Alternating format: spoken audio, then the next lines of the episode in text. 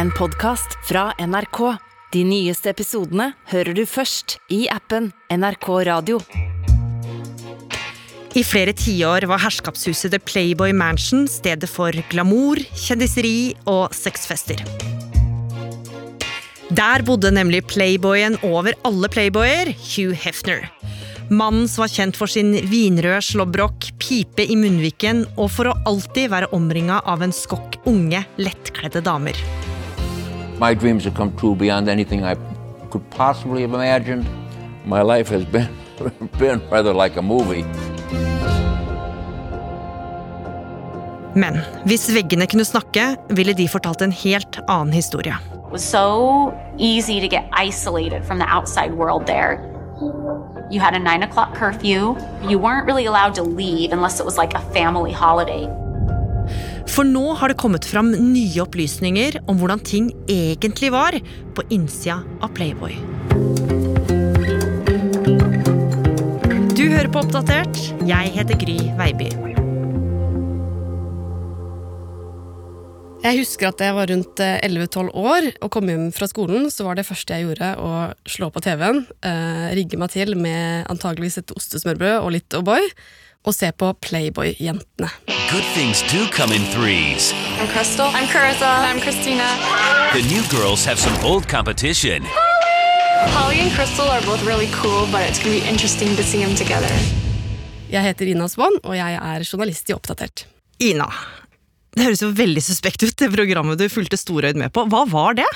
Det handla om tre unge platinablonde damer, Holly, Bridget og Kendra, som da var sammen med en, det jeg så på som en litt sånn hyggelig 70 år gammel bestefar, som da var Hugh Hefner, selve Playboy-mogulen.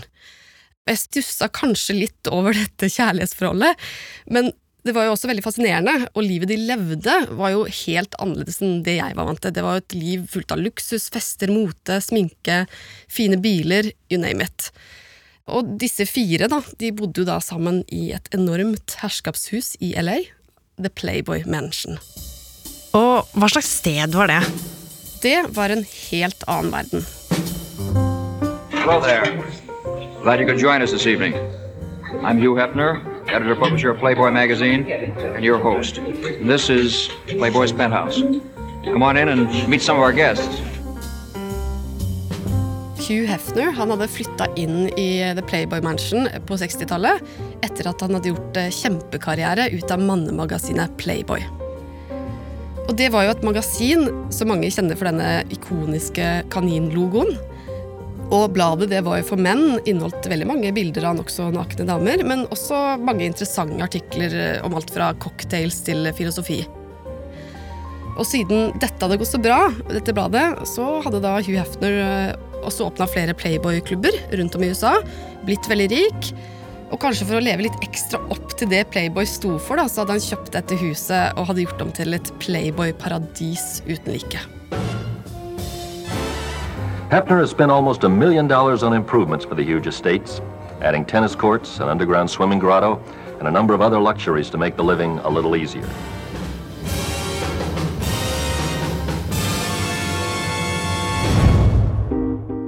Og dette paradiset der han bodde, hvordan så det ut? Det så jo ut som et sånt eh, amerikansk herskapshus som man ser i filmer. Man kjører opp til huset gjennom en stor port, og foran dette huset så står det en ellevill stor statue av en delfin som får en klem av en liten naken baby. Og selve huset det er jo i en slags gotisk stil, og man går inn i huset gjennom en sånn svær tredør. Og når man går gjennom denne døra, så er det som å entre Narnia. Det er enormt på innsiden. Lysekroner, glamour, luksus. Et eget spill-gamingrom med flipperspill. Og på baksiden av huset så putta Hugh Hefner inn en egen dyrehage. Wow. Han hadde papegøyer, aper, han hadde en tennisbane, og så hadde han et stort, flott basseng med sånn typisk fake amerikansk fossefall i. Rett og slett bare luksus fra ende til annen. Og utover det glade 60- og 70-tallet så ble dette herskapshuset, The Playboy Mansion, kanskje mest kjent for festene. Hugh Hefner invites you to Playboy's roller disco and pajama party. Tonight we got the village people. All kinds of people are going to be here too. When F throws a party, he really throws a party. So enjoy, okay? Festene de var jo mildt sagt eh, ekstravagante. Eh, Man kunne se alle typer kjendiser der, folk fra eliten.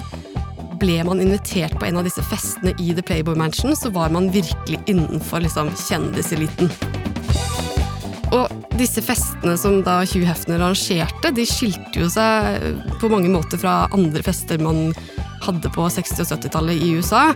Her var folk mer eh, frigjorte, på en måte. Og hvordan da? Eh, Det var jo ikke den vanlige festen på den tida, der menn satt og røykte pipe mens kvinner lagde mat og sladra. Kvinner eh, sprada rundt i små bikinier. Man drakk og koste seg sammen, og ofte så koste man seg kanskje litt eh, ekstra mye. Åpna man feil dør, så kunne man f.eks. se noe man kanskje ikke var forberedt på å se. Så mange har jo beskrevet dette stedet som et eh, sted der de følte seg seksuelt frie.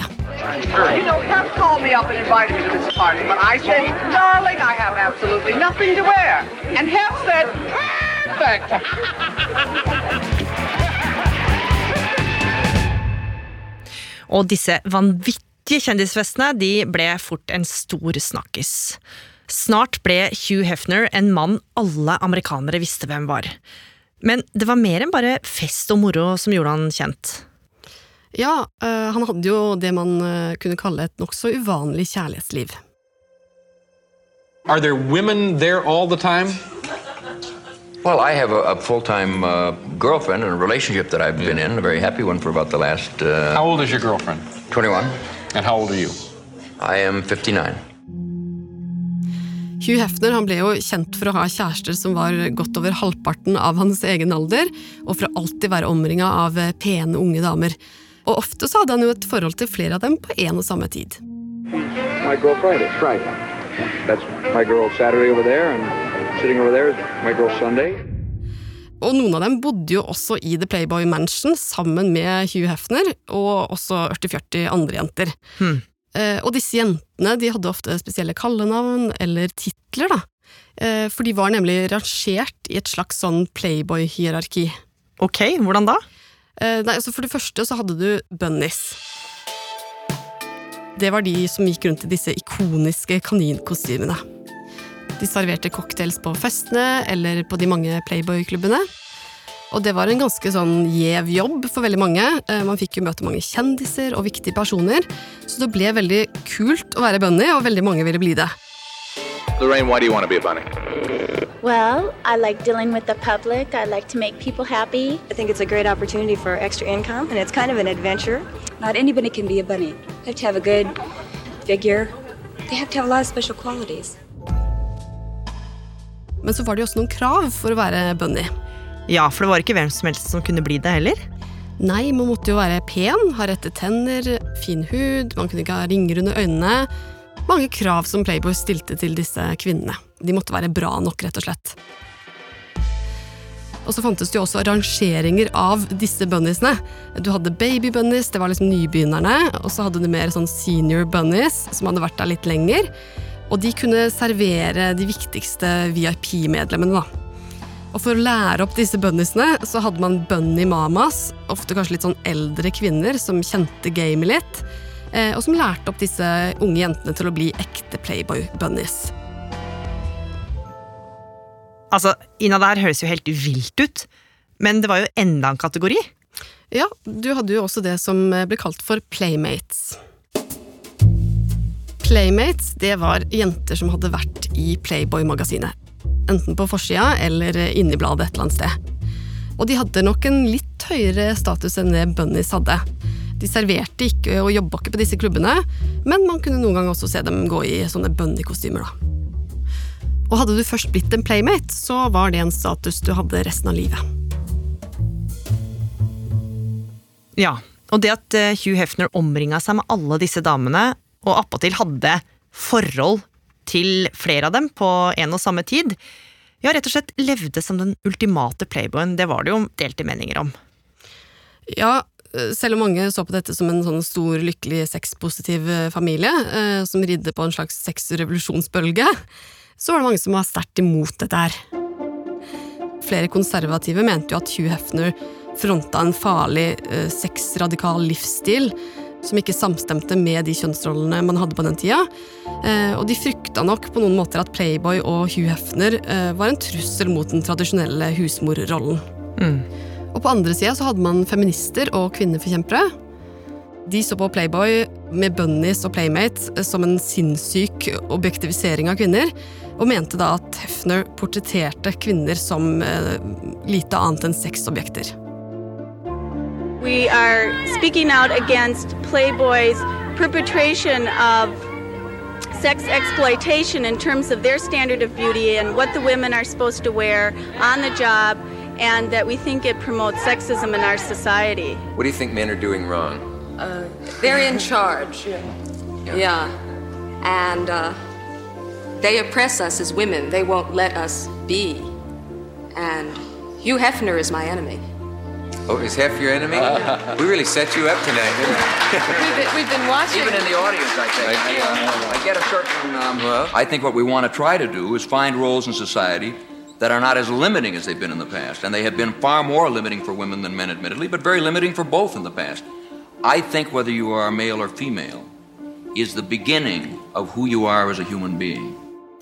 Hugh Hefner selv sa at hele Playboy-filosofien dreide seg om seksuell frigjøring for både kvinner og menn.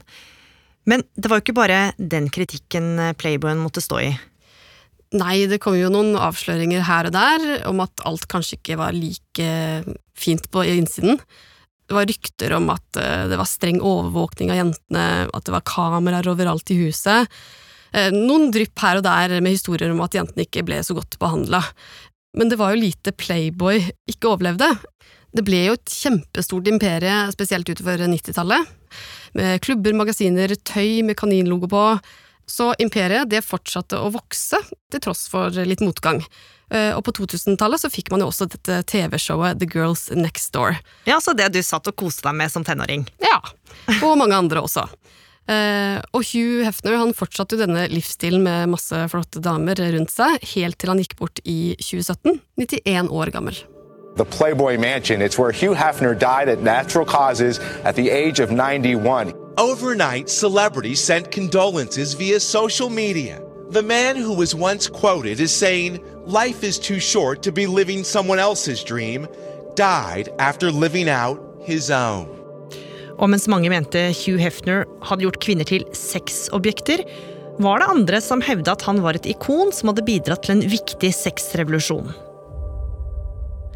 Men etter at han døde, så begynte de små dryppene av kritikk som hadde kommet underveis, til å bli noe mer.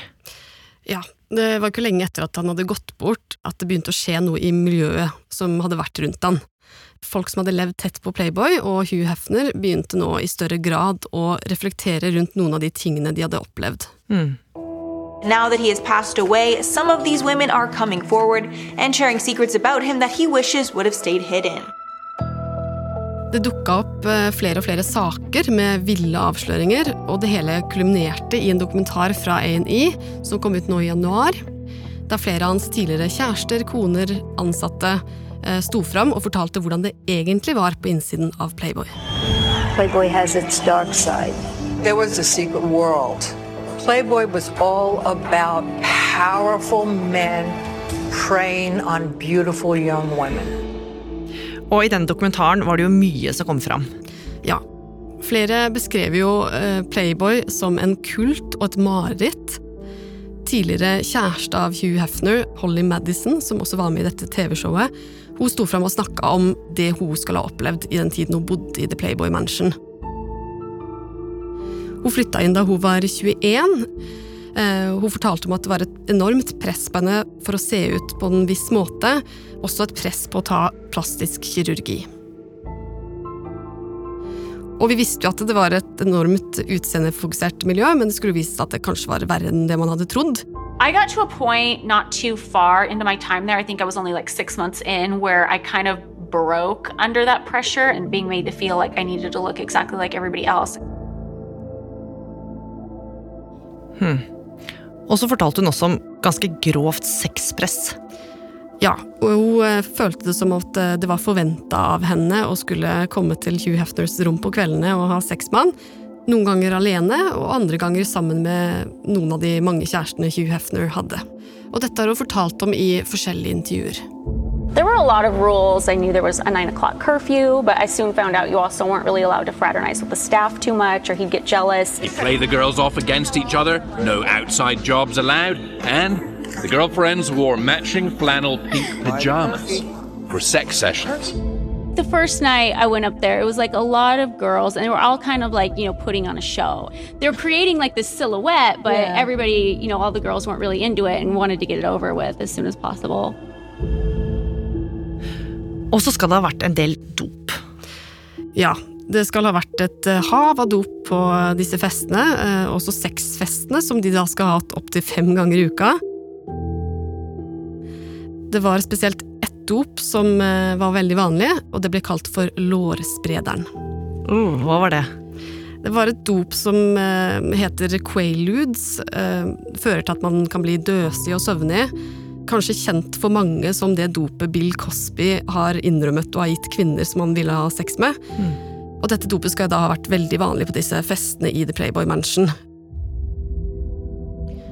Det skal også kommet fram at eh, på torsdager i en periode så skal Hefner ha arrangert det som blir kalt for pig nights. Hmm, det hørtes veldig suspekt ut. Hva var pig nights? Pig nights, det var eh, torsdagene der eh, prostituerte ble leid inn. De skal ha blitt undersøkt av en lege før de blir på en måte gitt videre til Hefners VIP-venner for å ha sex med den. It was called Pig Night, but we as butlers were always told do not call them pigs. This was Hefner's term for them. I don't know why he called them pigs. Og én ting var jo historiene som kom fra innsiden av The Playboy Mansion. En annen ting var jo også hvordan disse bunniesene som jobba rundt om på fester og Playboy-klubber i USA, rett og slett fikk dårlig behandling. Selv om de skal ha hatt god beskyttelse av Playboy-sikkerhetsteamet på klubbene, så var det mye som skjedde etter at klubben stengte, som ikke var greit.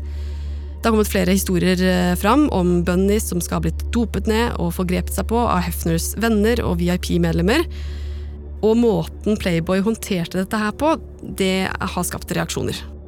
Ja, for hva gjorde selskapet Playboy da? De hadde det de kalte et clean up crew, som var et crew som kom inn og tok seg av disse hendelsene der jenter skulle ha blitt utsatt for overgrep eller vold, i et forsøk på å ikke la det komme ut i offentligheten. Det betydde at uh, jentene for eksempel, altså når de sto fram, ikke fikk den hjelpen de trengte. De ble ikke sendt til sykehus eller tatt med til politiet for å anmelde. Det var heller dette clean up-crewet som tok seg av det internt. Og dette her har jo også blitt bekrefta av flere av de som jobba i dette teamet. Hmm. Og alle disse historiene som nå har kommet fram, de har jo naturlig nok skapt reaksjoner. Også fra flere som mener at det ikke var så ille som avsløringene skulle ha det til. I'm a cover girl, centerfold. I mean, you know, you name it. I've been run the gamut for 49 years with the organization. And this Hefner that I'm reading and seeing about is not the man that I ever knew. So it's like an alternate reality for me. Men eh, Ina, hvordan har selskapet Playboy svart på det som kommer fram i dokumentaren? Altså, Hugh Hefner er jo eh, gått bort, så jeg vet ikke hva han ville ha sagt til det her. Men selskapet, de som eier selskapet nå, de har sagt at eh, de tror på det disse kvinnene forteller. I tillegg så har over 100 menn og kvinner som tidligere har jobba for Playboy, eller vært en del av miljøet, underskrevet et dokument der de bekrefter hvordan det var på innsida. Ja. Men sønnen til Hugh Hefner han har eh, derimot gått ut og sagt at faren hans var en god mann, opptatt av ærlighet og åpenhet. Og så har han også gått eh, ganske hardt ut mot spesielt Holly Madison, altså den tidligere kjæresten, der han sier at hun er et eksempel på hvordan det som en gang var anger, kan over tiden bli til hevn. Ja, så hva står igjen av Playboy nå? Playboy eksisterer fortsatt, og er eh, synlig i sosiale medier, Instagram, har egen parfyme og den slags. Men glansdagene er nok over. Det ikoniske Playboy-bladet er ikke lenger i print, det er online. Men kjernen av Playboy er jo der fortsatt. Det er mye sex og nakenhet.